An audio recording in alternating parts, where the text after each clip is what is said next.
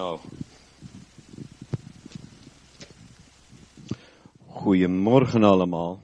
U hoort het al aan mij. Ik heb een uh, wat vreemde tongval. Kom oorspronkelijk uit Zuid-Afrika. Woon al vrij lang hier, maar Afrika is nog niet uit mijn lichaam en uit mijn denken. Uh, ik vind het een, uh, een, een voorrecht om hier te zijn vanmorgen. En dan hoor ik dat die kinderen niet naar de dienst mogen gaan, maar dat ze hier mogen zijn. En dan denk ik, wat bof jij nou?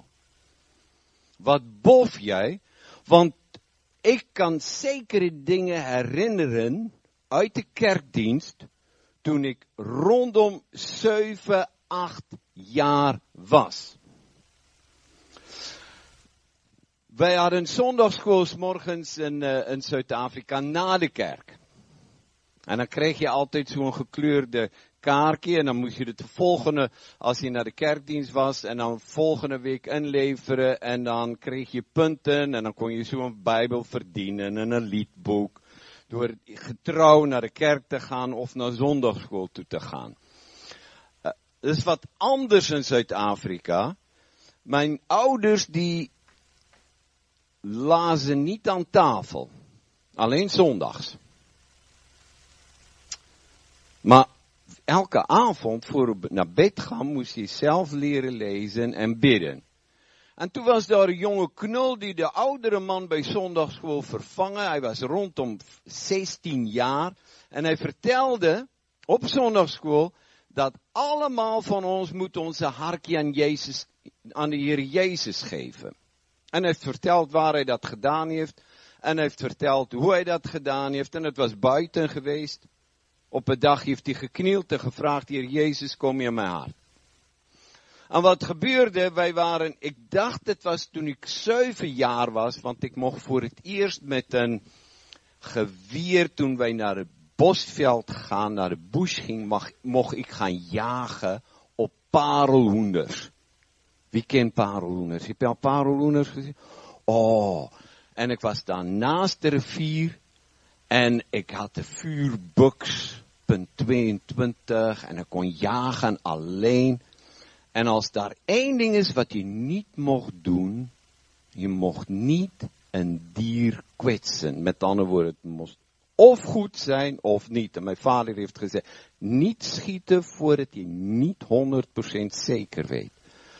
En ik zag die eerste paar hoenders voor mij langskomen en en ik schoot op dat beest en ik trof hem niet goed. Zo'n rot beest dat hij niet meewerkte. En daar ging die en die rende. En het waren Bush, Bush en ik achterna. En rennen. En dan allemaal van die kleine wildpaadjes naast de rivier. En steeds verder en steeds verder en steeds verder. En uiteindelijk zag ik een beest. En uiteindelijk kon ik hem schieten in een kleine gedeelte wat open was. En toen ik hem in mijn hand had en ik keek waar kwam ik vandaan, toen wist ik het niet meer en het was dichte bush rondom mij. De plaats waar wij aan het jagen waren was 500 hectare groot. En dat betekent als ik in een verkeerde richting zou lopen, want het is alleen mijn oma en tante die daar wonen naast de rivier, dan kwam je niet meer snel thuis. Dat is heel groot, ja. En de twee dagen later ben ik samen met mijn broer, hebben wij een tijger gezien. En de dag daarna een hele grote, een joekel van een wurgslang. Zo, het was niet zo als hier in Nederland verdwalen in de polder. Ik weet niet hoe je in de polder kan verdwalen, maar goed. Maar wat gebeurde is, ik keek en ik keek en, naast de rivier groeien daar hele bijzondere bomen. En ik dacht, als ik de rivier krijg, dan weet ik welke kant op, want het water stroomt alleen maar één kant op en ik moet teruglopen. Ik ben met de rivier meegelopen. En uh, ik stond er zo'n beetje te kijken, heel blij dat ik die stomme parelhoenden uiteindelijk heb. En toen dacht oh ja, maar ik kan ook bidden. En op het moment dat ik dacht, oh, ik ga bidden, toen dacht ik, maar weet je, ben ik nu echt een kind van God? Heb ik nog echt ooit mijn hart aan de Heer Jezus gegeven? En ik dacht, ja, hoe kan ik hem vragen als ik dat nog niet gedaan had? En toen dacht ik, ik doe het nu. En ik ben op mijn knieën gegaan en ik heb gezegd, Heer Jezus, vergeef me, kom in mijn hartje. En ik wist ook nog van zonde en ik heb gevraagd, neem dat weg. En op dat moment wist ik dat ik een kind van God was. Ik kon het voelen. En eens begon ik te huilen en ik werd zo blij. En dat is een beetje dubbel, huilen en blij zijn. Tegelijk. Maar dat gebeurde. En op dat moment, terwijl ik op mijn knieën zat, kon ik ondertussen die, takken van de bush doorheen zien en ik zag de bomen naast de rivier. En ik kon heel veel moeite lopen, weer een paadje vinden, een wildspaadje om bij de rivier te komen. En dat bleef een lees voor mijn leven. Ik zag het veel beter op mijn knieën. Maar, ik weer daarnaast zat ik ook op een zondagmorgen, wij zaten in de kerk, en toen preekte onze dominee over bidden hier van de oogst. En ik zat er, want ja, van dat ik dan uh, mijn, leven, mijn hartje aan Jezus gegeven heeft, bad ik iedere avond. Dat moesten wij doen, maar ik bad iedere avond voor papa, mama, voor mijn oudste broer, zus, mijn andere broer, voor kat en hond en opa en oma. En ja, dan was het lijstje af. En de dominee las een gedeelte uit de Bijbel en ik kon het horen waar ik in de bank zat. En hij zei, bid de Heer van de oogst dat hij arbeider zal geven in de oogst. En ik dacht, oh. En ik zei het vanuit naar binnen. Hier, ik ga ervoor bidden. En op dat moment, terwijl ik in de kerk zat, hoorde ik heel hard een duidelijke stem in mijn hoofd. Ik wil niet dat hij alleen zal bidden, maar dat hij ook zal gaan. Zo terwijl je vanmorgen zit in de kerk, kan God ook tot jou spreken. Zo, let erop. Let erop. Maar dat ook voor de grote mensen. Ik wil vanmorgen met die praten over zegen. Je mag dat, uh, die, die PowerPoint beginnen. Ik wil praten over zegen, want ik bemerk ieder jaar dan met, met begin van het jaar, oud en nieuw, dan uh, heb ik een, een bede en een wens voor anderen die, uh, die niet hetzelfde is als wat zij voor mij hebben. Heel veel mensen zeggen gelukkig nieuwjaar. Maar waar ik vandaan kom, wensen wij elkaar een gezegende jaar. En een gezegende jaar spreken wij uit. En God is een God die wil zegenen. En, en vanuit mijn achtergrond in Zuid-Afrika weet ik dat God wil zegenen, want ieder jaar met nieuwjaar dan wensen wij dat mensen toe.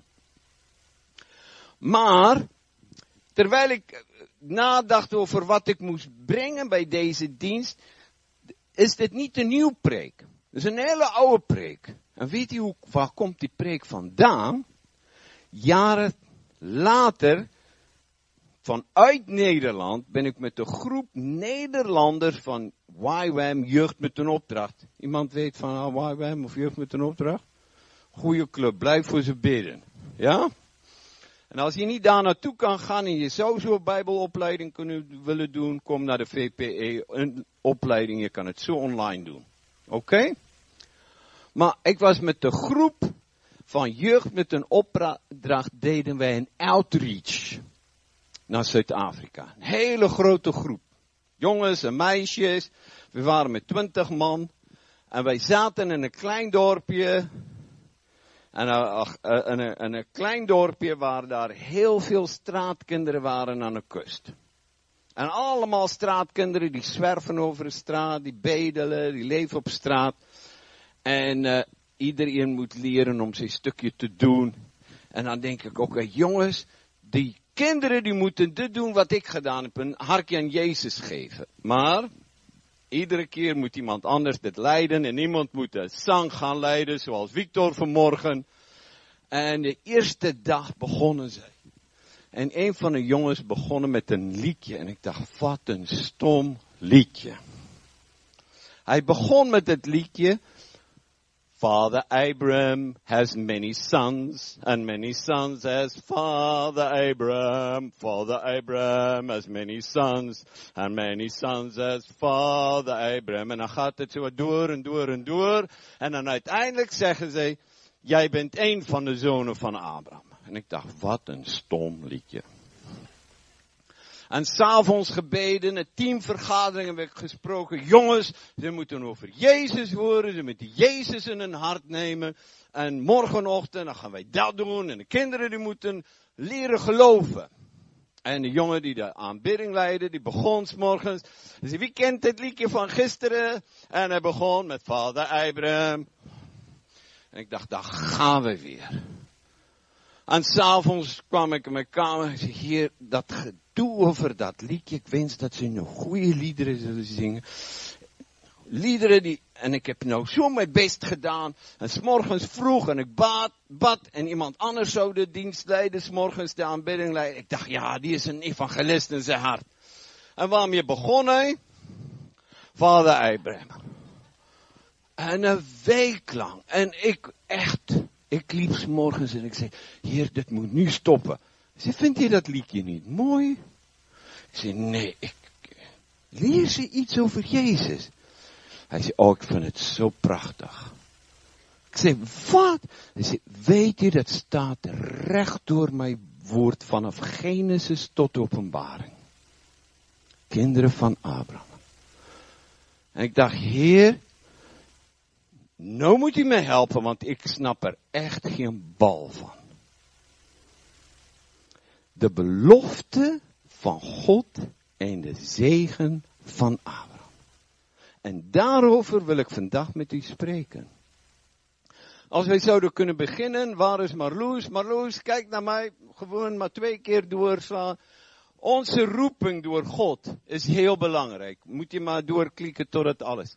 God heeft ons geroepen om hoop te hebben. Wij zitten in een wereld waar er vreselijk veel problemen is. Op dit moment mensen worstelen, mensen weten niet wat ze hebben. Maar God zegt, er is hoop voor je toekomst, ondanks je eigen achtergrond, ondanks je eigen problemen, je eigen situatie en de positie waar je in bent. Waarom zegt God dat? Omdat God is een God van hoop. God wil dat jij hoop zal pakken. En niet kijken naar wat er gebeurt en wat terroristen kunnen doen en toeristen ook. Maar je aandacht op God te vestigen. Maar Loes, even door. Geloofd zij de God en Vader van ons Heer Jezus Christus, die ons naar zijn grote barmhartigheid, door de opstanding van Jezus Christus uit de doden heeft doen wedergeboren worden tot een levende hoop.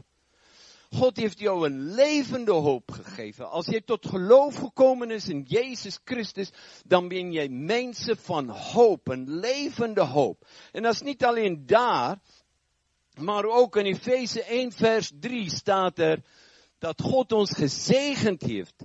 Gezegend zij de God en Vader van onze Heer Jezus Christus, die ons met alle geestelijke zegen en de hemelse gewesten gezegend heeft in Christus Jezus. Je bent gezegend door God. En God wil je ook zegenen. Maar als wij nu kijken naar, naar wat de situatie is, dan wil ik met u praten over Abraham waarover wij gezongen hebben. Als we kijken naar de Bijbel, in Genesis hoofdstuk 12, dan komen we op een punt en dan staat er, als je je Bijbel bij je hebt, God kwam God nam initiatief en hij ging tot Abraham. En wij weten niet wie Abraham was. Even wachten maar Loes tot ik zo ver ben. Maar als je kijkt naar de man, dan is het een oudere echtpaar. De man was 75, zijn vrouw was 70 en ze leefden in het Midden-Oosten. En ze hebben een geschiedenis. Het was in Nederland, vooral als ik kijk naar van ouderen hier, hebben ook er meer geleefd en geworsteld. Als mensen geen kinderen hebben, dan kijken de anderen ze altijd een beetje door de nek aan. Kent u dat? Vroeger was het wel heel duidelijk zo. Altijd commentaar, altijd opmerken, altijd negatieve woorden. En dat was met name in het Midden-Oosten. Ook de Midden-Oosten vandaag is dit heel belangrijk. Je moet kinderen krijgen, want zij moeten de toekomst voor je zorgen. Maar wie was Abraham? Abraham was een Arameer, een zwervende Arameer. Zo getuigen ook later. Zijn vader is begonnen om te trekken. Ze kwamen uit Ur van de Galdeën. Dat is ongeveer in Irak. Op de grens van nu ben ik die stad kwijt, die, die, die land kwijt waar ze binnengevallen zijn vanuit Irak. Kuwait, dankjewel. Ja, Kuwait. Ja, Het was op de grens ongeveer van Iran en Irak en Kuwait. Daar kwam Abraham vandaan en zijn grootouders. En dat zegt u ook later. Ik kom en ik ben een zwervende Arameer uit Ur van de Galdeën. Maar de Arameers die stonden bekend om een zekere ding die ze altijd deden, die een handelsmerk was. Ze maakten beelden van de maangod. En ze verkochten die aan andere volkeren. Zo Abraham die kende God niet. Hij aanbad in die tijd nog de maangod en hij verdiende zijn brood door de beeldjes en afgodsbeelden van de maangod te verkopen. En dan kwam God en God sprak tot hem. En God riep hem. Zo Marloes, als jij met ons verder kan gaan. Zijn achtergrond was het Midden-Oosten. Oh, dit, uh, dit gaat niet goed. Maar goed, probeer maar verder. Misschien komt het nog goed. Hij was, ze waren onvruchtbaar. En in omstandigheden waar ze leven was daar afwijzing. En daar was, daar was moeite. Ze hebben een geschiedenis van onvruchtbaarheid. En God roept Abraham en hij spreekt tot hem en hij zegt, ik wil jou graag zegenen. En ik wil in jou wil ik een grote volk maken en met jou wil ik een nieuwe volk creëren. Nou moet je je voorstellen, als je zo'n prachtige bounty eiland heeft. En je wil een nieuwe volk beginnen. Wat voor mensen ga je nemen? Geen mensen nemen zoals Peter en Corrie, of de echtpaar die achter ze zit, of iemand van 75 die geschiedenis heeft van geen kinderen. Of gaan je twee jonge lui van hier 1620 nemen. Bij wie de hormonen nog door het lichaam heen raast. Of ga jij twee oudjes nemen met de geschiedenis van geen kinderen. Wat ga jij nemen? En God kijkt naar Abraham en hij zegt, Abraham, ik wil jou zegenen. En ik ga jou gebruiken om een nieuwe volk voor mijzelf te creëren. En met jou ga ik alle volken van de aarde zegenen. Dat is toch een hele bijzondere. Kunnen wij misschien verder gaan en kijken wij hoe, of het nu verder goed komt. Gisteravond had ik er ook al een beetje problemen mee. Oké, gooi maar uh, naar een volgende. God neemt de initiatief. Hij zei tot Abraham, en dan zegt hij tegen hem, nu moet je een aantal stappen nemen. Ga uit je land, ga uit je clan, uit je volk. Met andere woorden, als je tukker bent, tukkers achter je laten. Als je Zuid-Afrikaan bent, Zuid-Afrikanen achter je laten. Ga uit je vaders huis. Met andere woorden, laat je familie los en ga naar het land dat ik je zal wijzen. En jij ontvangt van mij de zegen. Ik zal je zegen. Met andere woorden, Abraham had heel belangrijk, hij moest een aantal beslissingen nemen en hij moest opnieuw gaan beginnen. God nam de initiatief. En dan zegt hij in vers 2, hij sprak een zegen over Abraham uit. Indien je dat zal doen, dan zal ik jou tot een groot volk maken en je zegenen. En ik zal je naam groot maken en jij zal tot de zegen zijn. Abraham, ik sta aan jouw kant, zegt God. Indien iemand jou vervloekt, zal ik hem vervloeken. En als zij jou zegenen, zal ik hem zegenen. Maar jij moet dit gaan geloven dat ik met jou wil doen. En wat is het teken van zijn geloof? Dat hij in gehoorzaamheid ging doen wat God van hem vroeg. Is het niet heel bijzonder? Hij heeft niets gedaan. Hij heeft nog niets gedaan. Hij heeft God, hij heeft nog, hij was een volslagen heiden en God zegt, joh, ik heb plannen voor jouw leven. Ik heb het beste voor je voor. Ik wil jou zegenen. En lieve mensen, dit is wat God voor jou voor ogen heeft vanmorgen. Wie je ook bent. Al heb je een geschiedenis van falen. Al heb je een achtergrond van hopeloosheid. Dat hij niets gepresteerd heeft. God zegt, ik hou van jou. Ik zie het met jou zitten. En ik wil je zegenen.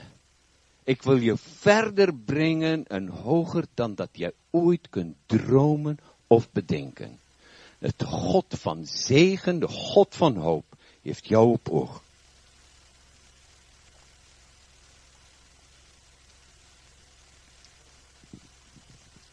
Nou, waarom is dit zo belangrijk? En dat is wat ik niet begreep. Kijk, dat God Abraham wilde zegenen, dat snapte ik. Maar dat hij dat liedje nou gaan zingen voor een klomp jongens op straat en iedere keer ta na na na na na na En terwijl ik ermee worstelde, bracht God het volgende op mijn aandacht, onder mijn aandacht. En als je je Bijbel bij je hebt, ga met mij naar Galaten hoofdstuk 3. Galaten hoofdstuk 3 is een geweldig hoofdstuk in de Bijbel. Paulus is zo beledigend tegen de gemeente daar. En in Engels staat het heel mooi. Hij zei, jullie zijn stupid. Jullie stupid Galatiërs. Hij zei, jullie zijn zo goed begonnen en ineens heb je iets in je kop dat niet van mij komt. Jullie zijn begonnen een geloof en je gelooft niet meer. En dan gaat hij verder en dan legt hij uit de vers 7. Zij, met andere woorden, mensen die uit het geloof zijn en in Christus gelooft, worden genoemd kinderen van Abraham. En dan gaat hij verder in dat hetzelfde gedeelte. Zij die uit het geloof zijn, worden dus gezegend tezamen met de gelovige Abraham. En zo is de zegen van Abraham tot de heidenen of de niet-Joden gekomen in Christus Jezus. Met andere woorden, zodra jij in Jezus gaat geloven, dan zegt God, kom jij eigenlijk in de familie van God en word jij ook een kind van Abraham. En wat God wilde zeggen tegen al die straatkinderen was, er ligt voor jou een enorme belofte. Er ligt voor jou een enorme zegen in de toekomst. God zegt, ik kijk naar jou zoals ik naar Abraham keek. En ik wil jou gebruiken en van jou een nieuwe volk maken en ik wil je zegenen. Ik wil het voor je opnemen.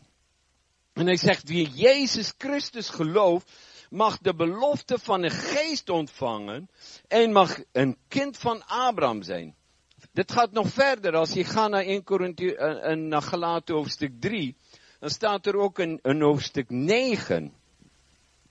8 vers 29. U bent allen immers één in Christus Jezus.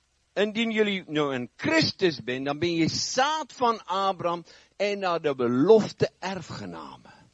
Dus alles wat God aan Abraham gedaan heeft, alles wat God voor Abraham beloofd heeft, alles wat God aan Abraham gezegd heeft, is ook voor jou. De zegen van God voor Abraham is ook jouw zegen. Jij deelt dus in de zegen van Abraham. Maar Loes, even verder. Wij delen dus allemaal in de, uh, in, in de zegen van Abraham. Zo jouw positie is niet zoals jij daar naar kijkt. Jouw positie is dat je gezegend bent. Dat God jou tot een groot volk wil maken. Dat hij jou wil gebruiken om invloed uit te oefenen. God wil je naam groot maken. Hij wil je aanzien geven vertaalt de nieuwe Bijbelvertaling het. Hij zal jou tot een zegen, jij zal tot een zegen zijn. Hij wil jou gebruiken, hij wil jou zegenen om te zegenen. Jij bent hier op aarde geplaatst om met het doel, met de functie, met een bestemming om andere mensen te zegenen en het beste uit anderen voor te halen. Zo, wat, wat wij wensen en wat wij bidden als we iemand een gezegend nieuwjaar toebidden, dan bidden wij hem dat de zegen van God op Abraham op jouw leven zal krijgen, komen. En dat jij ook dezelfde geloof van Abraham zal ontvangen en kinderen een geloofskinderen voor God de Vader zal voortbrengen. En dat er vele gelovigen zal komen. De Bijbel spreekt erover in Daniel. Wie velen tot gerechtigheid leidt, zal schitteren als de sterren van het heelal. Weet je, als daar zekere sterren niet in het heelal staat, dan kunnen mensen op aarde verdwalen. Als de Poolster er niet was, als de Zuiderkruis er niet was, dan was scheepvaart niet mogelijk zoals wij die kennen. En God zegt, wie velen tot gerechtigheid leidt, functioneert als een baken, als een licht waardoor andere richting kan krijgen, een bestemming kan bereiken, een doel kan bereiken in het leven. En daarvoor heeft God je geroepen. En daarvoor heeft hij jou gezegend. Zo, wij delen in de zegen van Abraham. Wat houdt het nou precies in? Want ik kan het wel zeggen, ik geloof het, toch? Maar geloven met je hart is één ding. Maar wat je gelooft moet je ook uitspreken met je mond. Toch? Nu wil ik je, nu wil ik je toch echt uitdagen. Wie heeft de, een 51 Bijbelvertaling hier bij ze vanmorgen? Daar, ah mooi. Heb je hem open bij uh, Genesis, Genesis hoofdstuk 12 vers 2. Wie er hardop gaan staan. Ach, ach, wil je gaan staan en hardop, hardop lezen, wil je hardop gaan staan. Heb je dit? Oké, nou elke plaats waar de gij is, ga je jouw naam invullen. God zegt. Ik zal Johan tot een groot volk maken en Johan zegenen en zijn naam groot maken. En Johan zal tot een zegen zijn. Ik zal zegenen wie Johan zegenen en wie Johan vervloekt zal ik vervloeken. En met Johan zullen alle geslachten van de aardbodem gezegend worden. Geweldig. Wat doet het aan jou als je dat zo leest? Ben je dankbaar voor? Ja, misschien kom ik uit Afrika. Weet je wat zou ik doen als ik het zo zou voorlezen? Ik zou juichen, ik zou springen, ik zou een klein beetje uit mijn dak gaan. Oké, nu gaan wij dit zelf ook doen. Ik wil terwijl je hier zit, wil je het hardop voorlezen. En waar de stippeltjes zijn, je naam invullen. God zegt, ik zal, hier zal toch groot volk maken en Steve zegen. God zegt, ik zal de naam van Steve groot maken en Steve zal tot een zegen zijn. God zegt, ik zal zegenen wie Steve zegenen. En wie Steve vervloekt, zal ik vervloeken. En met Steve zullen alle geslachten van de aardbodem zegenen.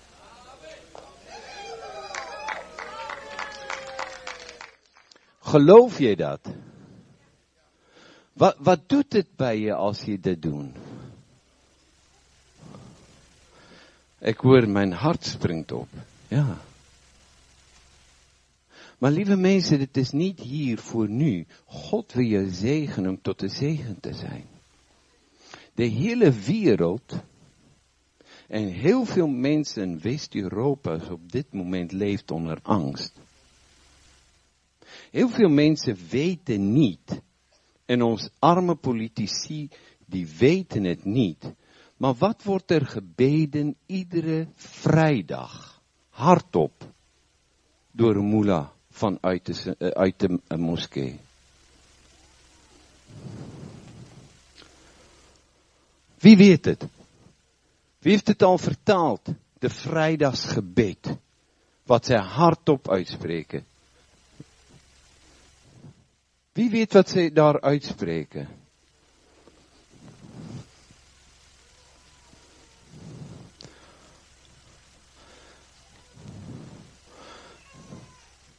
Niet het hele, maar een kort stukje. Ja? Wat is voor ons belangrijk om te weten? Wij getuigen dat Jezus Christus God is en de Zoon van God is. Uit de moskee. Zij zeggen, Allah heeft geen zoon. En dan zeggen ze tweedens dood aan alle, alle ongelovigen, alle infidels.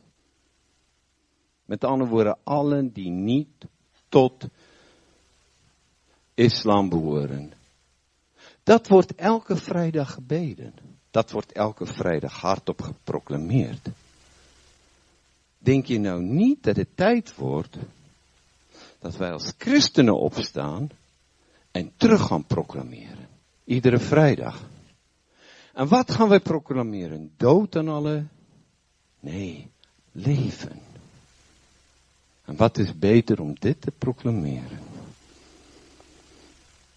Om elke week heel bewust op vrijdag te zeggen, God zegt dat hij me wil zegenen en me gebruiken tot zegen. En dat hij vanuit mij, door mij heen, wil gebruiken om deze wereld te beïnvloeden en om deze wereld tot een betere plaats te maken. Maar zijn er zijn een aantal verhinderingen. Want je kan hier zitten en kan zeggen ja, amen en ik geloof het en ik word blij. En dan kom je thuis en dan komt er een aantal verhinderingen. En de eerste verhindering is je eigen twijfel en ongeloof. Ja? En dat blijft doorwerken. Er zijn mensen die vaak worstelen en steeds weer terugvallen in twijfel. En de PKN-kerk, waar ik jarenlang predikant was, zijn er, kom ik, ben ik zoveel mensen tegengekomen. Dan zaten ze hele leven in de kerk en dan kwam ik ze tegen in de thuis en dan vraag ik hem, waar gaat u nu naartoe, mensen van tachtiger jaar en ouder, waar gaat u nu naartoe als hij zou doodgaan? En dan zegt hij, oh dominee, dat weet ik niet, ik kan maar hopen. Weet je, het is zo verdrietig. En in sommige van de kerkelijke kringen worden de twijfel eigenlijk ver, verheerlijkt. Maar sommige mensen hebben er echt moeite mee. Wat is er ook nog wat een verhindering vormt, is je eigen geschiedenis van falen. Dat je kan hier wel zitten en voorlezen, God wil mij zegenen, en dan kom je thuis en dan zeg je, ja, ik heb ook altijd pech. Dus we moeten mij altijd hebben. En zodra het net een beetje beter gaat, dan verwacht ik dat het weer fout zal gaan. Dan komen ook echo's bij mensen naar voren. Zie je wel, het gaat ook altijd fout.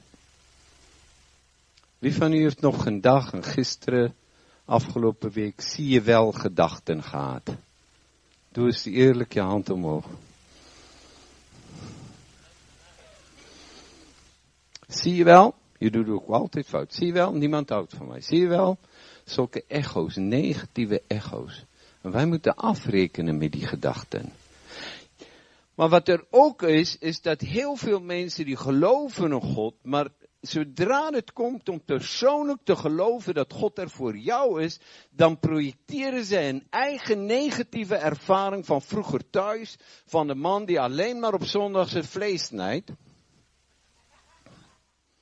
Of en die de vader niet geleerd heeft om te communiceren, is dat ook gebeurd. Dan wordt er niets gecommuniceerd. En heel veel mensen hebben worsteling en zodra ze het persoonlijk voor hunzelf moeten aanvaarden, dan worstelen zij en dan blijft God de Vader op afstand en het blijft de boze God die je wilt straffen. En dat beeld draagt heel veel mensen mee. En als ik zeg, God de Vader, hij houdt van jou en hij wil jou een nieuwe toekomst geven, hij wil je hoop geven, hij wil gebruiken voor de toekomst, dan hebben heel veel mensen een vreemd beeld. Jezus vertelt in de Bijbel het beeld van zijn Vader in de hemel. Wij noemen het altijd het verhaal van de verloren zoon. Maar het is niet een verhaal van een verloren zoon. Het is de vader die op uitkijk staat. Staat. Ik wil je vragen, toen die zoon thuis kwam. Wat heeft hij gekregen?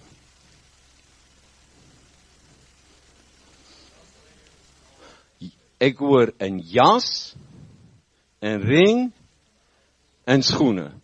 Of sandalen. En een groot feest.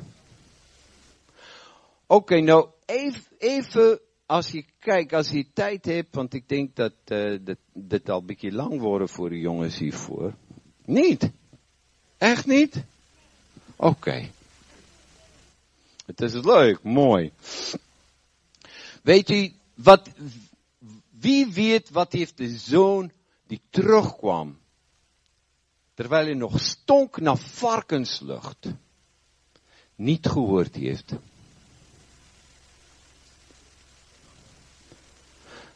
Niet de vader zei, oh, ik dacht het al. Oh, je zal vast wel kruipend thuiskomen.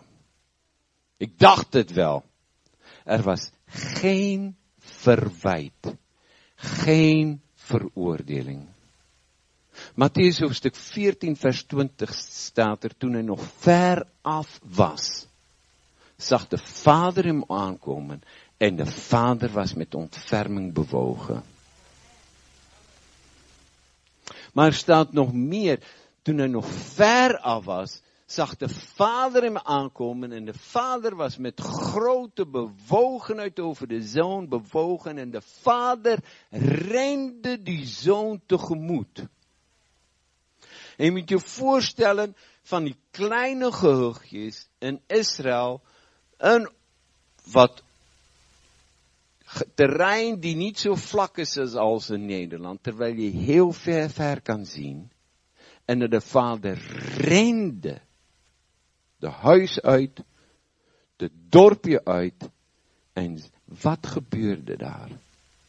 Hij omhelste de zoon. En terwijl de zoon nog naar varkenslucht rook, terwijl de zoon nog vies was, omhelsde de vader hem en gaf hem een zoen.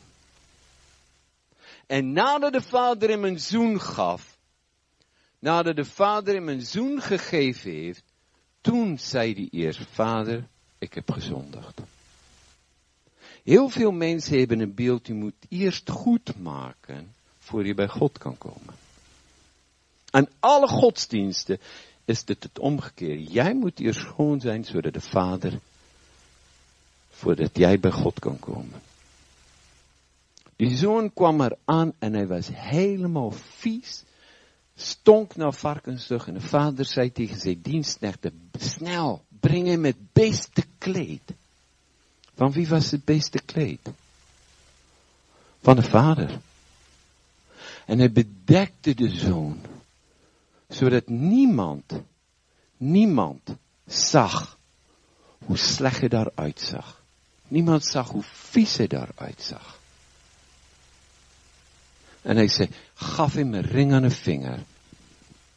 Hij ging een grote gok aan, want die jongen kon net zo wel weer zijn autoriteit misbruiken en alles verkopen. En terwijl er geen verpleit was, hij was geen preek, nou heb je je lees geleerd en zou je het nooit weer doen? Nee. Vader gaf hem schoenen aan zijn voeten, met andere woorden, je bent niet in dienstknecht. En hij richtte feestmaal aan. Weet u hoe moeilijk hebben mensen om dit beeld te pakken? De grootste, bekendste Nederlanders hebben dit verhaal nog nooit begrepen. Ik ga zo daarbij uitkomen omdat dat we verder gaan. Maar ik heb een ik, ik was in Friesland, was ik predikant toen. Ik kwam in Nederland. Dan moet je je voorstellen, dat is onvoorstelbaar. Maar, maar ik kwam in Friesland en ik werd daar predikant in een kleine dorpje. En daar moest ik Nederlands leren. In Friesland. Zoals daar iets fout is met mijn Nederlands. Maar goed, wij kregen een nieuwe buurman. Ik woonde daar een rijkieshuis. Gelukkig was de pastorie bezet toen wij daar kwamen. Zo wij vertrokken in een rijkieshuis. En wij ben al vijf jaar daar heb ik in een rijkieshuis gewoond. Toen kregen wij een buurman die woonde op een hoekje van een straat. Was wat vreemd. Hij had een rare hobby. Hij had een hobby om lege flessen te verzamelen. Met andere woorden, zodra er volle flessen was, dan probeerde hij zo snel mogelijk leeg te maken. Maar hij sprak ook overal op dorp. En het hele dorp sprak over hem. En ik was aan het studeren, moest Nederlands leren. Ik was, oh, ik was zo druk. En als je hem ergens tegenkwam, dan kon je, je, je kon ook niet om hem heen. Weet je, eh, ja, ik moet nu gaan en dan duurt het 20 minuten. En ik weet heel goed op een zaterdagmorgen, ik was even heel snel de gras aan het maaien. Ik heb gebeden hier, ik wil hem niet tegenkomen, dat gaat tijd kosten en ik moet studeren en al. En hier kwam die man aan. En ik, ik kroop weg achter Hortensia, dat hij me niet zien, kantjes snippen. En hij bleef daar staan. En ik had zoiets hier, move, move met die man. En hij begon te praten en toen vroeg hij Steve, als ik dood ga, zie je mij begraven. Ik dacht, joh, waarom vraag je mij dat nou? En eens had hij al mijn aandacht. En ik begon met hem te praten en er kwam een verdrietig verhaal uit dat zijn vader gestorven is. En dat de dominee op dorp geweigerd had zijn vader te begraven. Ik zei tegen hem, Jan, indien je iets overkomt, zal ik je begraven. Maar vertel nou. En hij vertelde, hij had een grote maagsfeer en hij zou geopereerd worden. En ik stond te praten met hem. Ik zei, laat mij weten als hij opgenomen wordt. En gelijk de volgende week, dag maandag is hij opgenomen. Dinsdag geopereerd. Woensdag dacht ik, nou, u moet hem even kans geven om bij te komen. En ik was morgens vroeg op en ik was aan het bidden. Ik zeg, Heer, ik wil naar Jan gaan. Wat kan ik aan hem voorlezen? En God gaf mij dit verhaal van een verloren zoon. En ik dacht, ja, weet je, dat is een beetje heftig. Uh, ik ken die man niet zo goed. Ik ken zijn achtergrond niet. Ik kan niet in een ziekenhuis aan hem gaan voorlezen het verhaal van een verloren zoon. Buitendien, de ziekenhuis in Drachten, Nijsmellingen, is net een lichtboksenstal. Dat is zo'n lawaai daar. Ze liggen met acht of tien mensen op een kamer. En het is een grote herrie. Het is niet zoals een luchtboot. Ik, ik, ik, ik kan dit verhaal kan ik niet aan die man gaan voorlezen daar. Zo onderweg naar het ziekenhuis was ik aan het bidden. Ik zeg, hier, dat kan niet, weet je. Ik heb geleerd, als je met die mensen praat, moet je eerst vrienden maken, goed doorpraten en dan, dan het evangelie brengen. En uh, ik kwam bij het ziekenhuis aan. Ik dacht, ik neem even de trap want de lift gaat te snel. Dan kan ik nog even met God praten. Zeg, goed, lees dan Lucas 15. Ik dacht, hè. Maar goed. Ik kwam er aan bij zijn kamer en ik dacht, ja, maar hier is niet eerlijk. Lucas 15 is nog steeds een verhaal van een verloren zoon. Ik vraag de verpleegster op een verdieping, waar is de kamer van, van, uh, van Jan? Ze zei, ja, daaronder in de gang. En ik hoor een op Harry. Daar waar Harry is, ja, ik dacht, zie je wel? Hier, ik heb het gezegd. Het is niet de luchtboxenstal. En, en ik kwam daar binnen.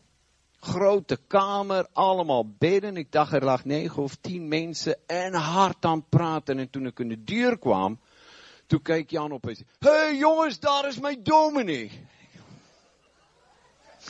Ik ben je dominee helemaal niet. Niet die lid van mijn gemeente. En ik sta er met zo'n rode boei. Iedereen maar een handje geven, bij hem bij de bed gaan zitten, even rustig praten. En aandacht ging weg en ze begonnen met elkaar te praten. Grote lawaai in die zaal. Ik dacht, hè, hè.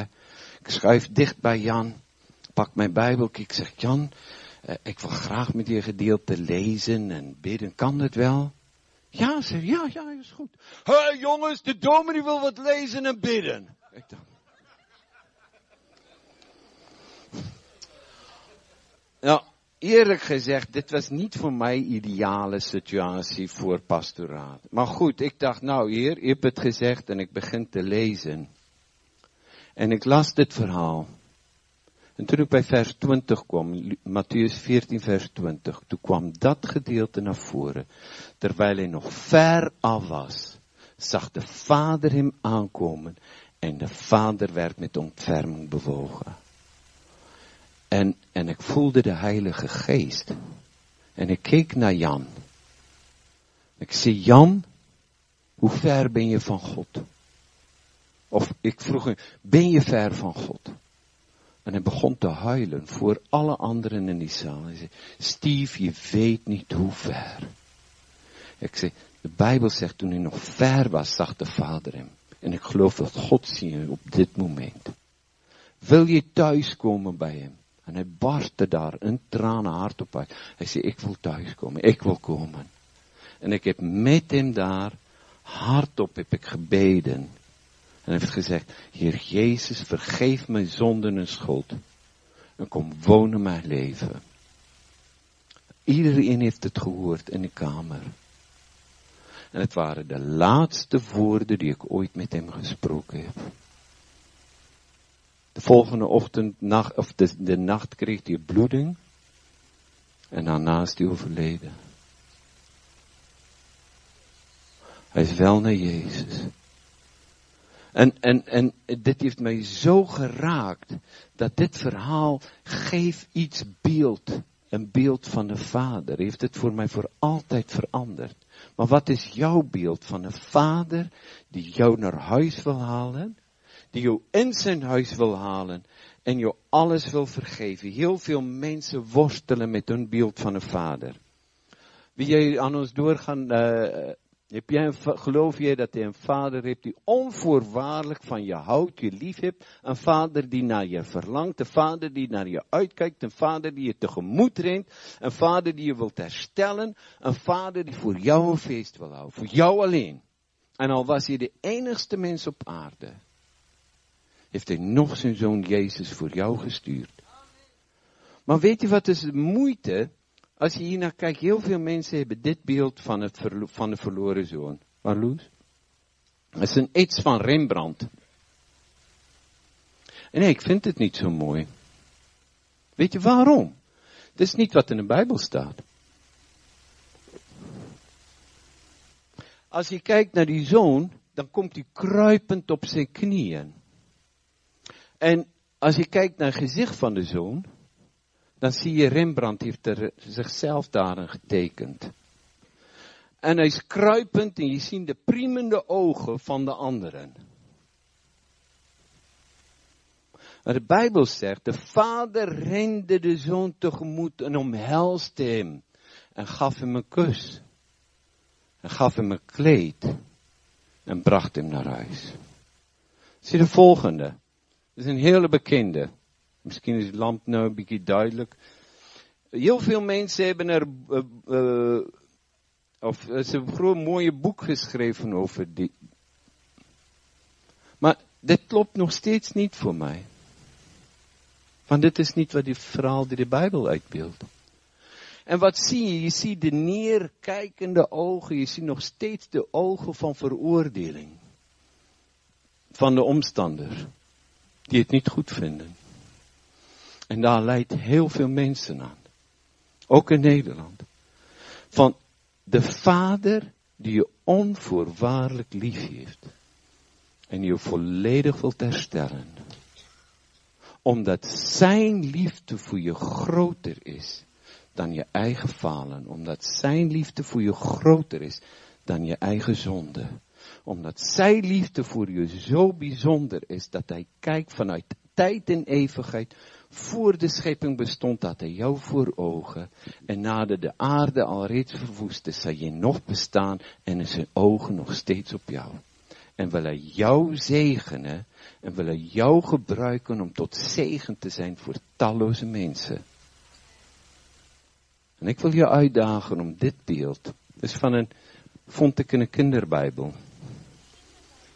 Een kinderbijbel. En ik dacht, is niet een kunstenaar van naam, is niet een groot geleerde, maar heeft het verhaal begrepen. Wat is jouw beeld van God de Vader? Is dit dit?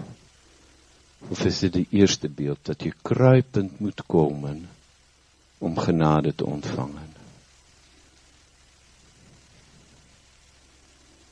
En als je dit kan pakken, dat God je eerst omhelst, je kus wil geven, je zegen wil geven tot een alle eeuwigheid. En jou vragen, zou jij zijn liefde, zijn zegen, onvoorwaardelijk willen doorgeven aan een ander? En als je vanmorgen hier zit en je zegt, nou, weet je, eigenlijk mis ik, mis ik de zegen. Ik zou eigenlijk opnieuw bewust wil kiezen, Heer, ik wil leven onder uw zegen. En ik wil een zegen zijn voor anderen. Ik wil gaan wandelen in dit wat u aan Abraham gegeven heeft. Ik wil het op mijn leven schrijven. Dan wil ik je vanmorgen naar voren nodigen en ik wil de gebedsteam naar voren nodigen en vragen, kom met vrijmoedigheid. En pak dit wat God zegt. Kunnen we naar de laatste toe gaan, uh, Malou? God zegt, hij zal zich over je met vreugde verblijden. Hij zal juichen over je met zingen van blijdschap. Dan zullen wij gaan staan en het uitspreken wat God over jou zegt. En je naam daarin vullen. En als je zegt, ja, ik wil vanmorgen een daad stellen. Ik wil uitstappen. Ik wil uit mijn eigen verlegenheid uitstappen. Ik wil opnieuw gezegend worden door God. Dan kom je na die tijd. Goed, Marloes, de volgende. God zegt, ik zal Steve tot een groot volk maken en Steve zegenen. Ik zal de naam van groot maken en zal tot een zegen zijn. Ik zal zegenen wie Steve zegenen en wie Steve vervloeken, zal ik vervloeken. En met Steve zullen alle geslachten van de aardbodem gezegend zijn. En als je vanmorgen voelt, ja, maar je hebt echt kracht nodig van God. Je hebt een zegen om dat vrij te zitten in je leven. Kom dan naar voren dat wij je ook kunnen zegenen. En dat God zegen in je leven actief kan worden. Gebedsteam, neem de vrijmoedigheid.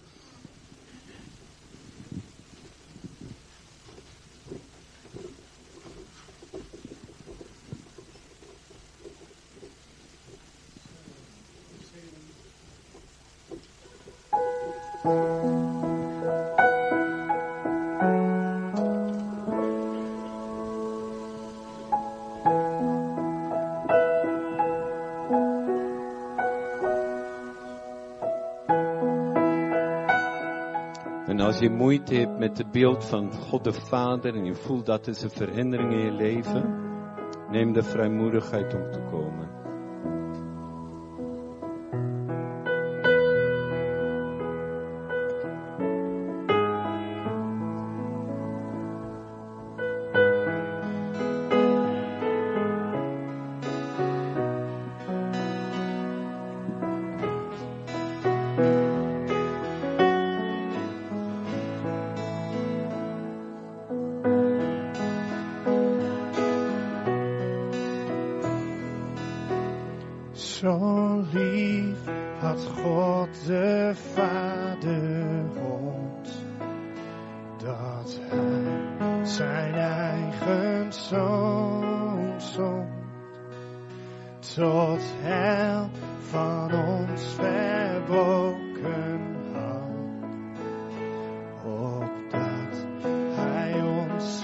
Zo kostbaar. Hoe diep en schijnend was Gods pijn. Toen hij zijn zoon zo lijden zag. Toch is het Jezus bloed dat ons weer dicht in zijn nabijheid actuar.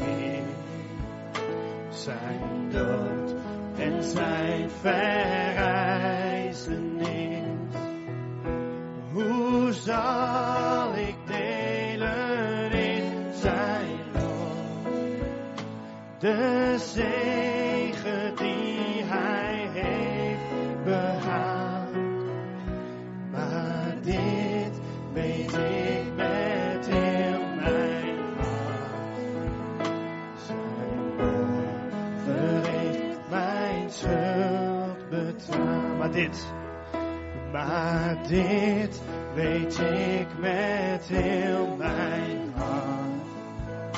Zijn offer heeft mijn schuld betaald. Maar dit, maar dit weet ik met heel mijn hart.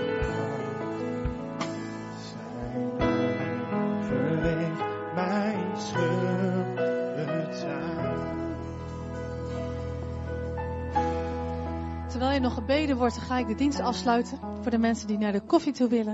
Ik wil je aanmoedigen om elkaar erop te zoeken, met elkaar te spreken, elkaar te bemoedigen. En eh, opmerkzaam te zijn op elkaar. Vader, dank u wel dat u hier was, dat u heeft gesproken en uw hart hebt laten zien. Heer, een hart dat naar ons uitgaat. Heer, een hart dat wil zegenen in overvloed. En niet veroordelend kijkt, maar ons wil omhelzen hoe ver we ook vandaan zijn. Dank u wel, Heer. Ik wil u bidden, wilt u deze boodschap- boodschap in ons hart verder uitwerken, Heer, in de komende week. Heer, dat wij gaan steeds meer gaan beseffen wat het betekent, Heer, dat u ons zegent. Wat het betekent, Heer, dat u ons door Abraham heen, Heer, door ons heen ook wil werken, hier naar de volken toe. Heer, en dat u ons wil bouwen en ons wil omhelzen als een vader zijn kind omhelst. Dank u wel, Heer. Gaat u met ons mee deze week, Heer, in de naam van Jezus. Amen. Ik heb nog een boodschap, een vraag aan de kinderen. Ehm, de kinderen mogen, als ze een tekst hebben geleerd, een leertekst, bij de hoge tafel naast de trap de tekst opzeggen. En alle pennen die zij van mij geleend hebben, die zou ik heel graag weer terug willen hebben. Dus die mogen ze terug komen brengen. En voor iedereen een hele goede zondag. En graag tot volgende keer.